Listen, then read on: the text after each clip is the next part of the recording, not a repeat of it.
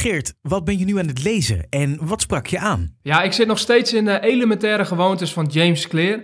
En het volgende stuk vond ik echt, echt pakkend. Hij zegt het volgende. Beweging geeft het gevoel dat je dingen voor elkaar krijgt. Maar in werkelijkheid bereid je je alleen maar voor op iets gedaan krijgen. Als het voorbereiden een vorm van uitstellen wordt, moet je iets veranderen. Je wilt niet slechts plannen, je wilt het doen.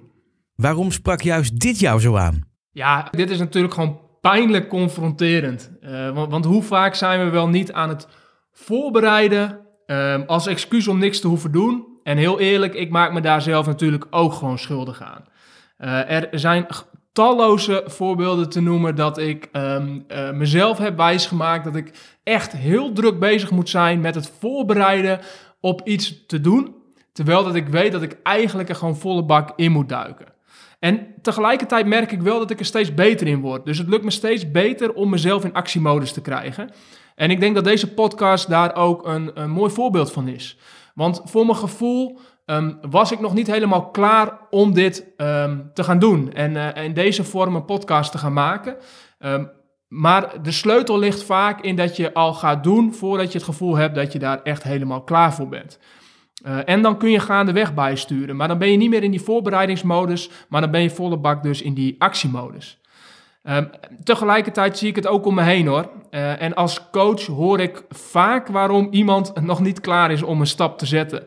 Uh, maar eerst nog even dit of dat moet gaan uitzoeken. En, en, sterker nog, zelfs een coaching op zich. Een coaching sessie kan voor iemand een vorm van uitstellen worden. Van ja, ik moet eerst nog even dit gesprek met die coach doen. Of ik moet eerst nog even deze sessie hebben. En dan ga ik wel die actie doen waarvan ik weet dat ik het eigenlijk zou moeten doen. En daarom moet voor mij in mijn ogen coaching altijd actiegericht zijn, maar eigenlijk alles wat je doet. De vraag is continu, wat ga je doen en wanneer? En daar ligt de grootste winst. Hoe kan ik hiermee aan de slag?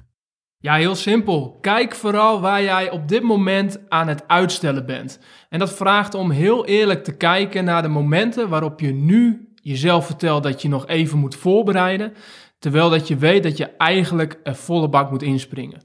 Dus wat is iets waarvan je weet dat je het wil, waarvoor je ook echt in actie moet komen en waarvan je voelt dat je er nog niet helemaal klaar voor bent, maar waarin je nu dus weet dat je jezelf kunt uitdagen om gewoon te beginnen en gaandeweg de boel bij te sturen. Oké, helder. Bedankt voor het delen. Ja, graag gedaan. Jij bedankt voor het luisteren en je aandacht. Uh, en als we het dan toch hebben over delen, dan wil ik je nog het volgende vragen.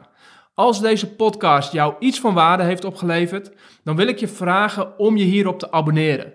Je blijft dan op de hoogte van elke nieuwe aflevering die ik online zet. En daarnaast wil ik je vragen om deze podcast te delen met één iemand uit je omgeving waarvan je weet dat hij of zij hier ook iets aan heeft. Dankjewel en tot de volgende keer.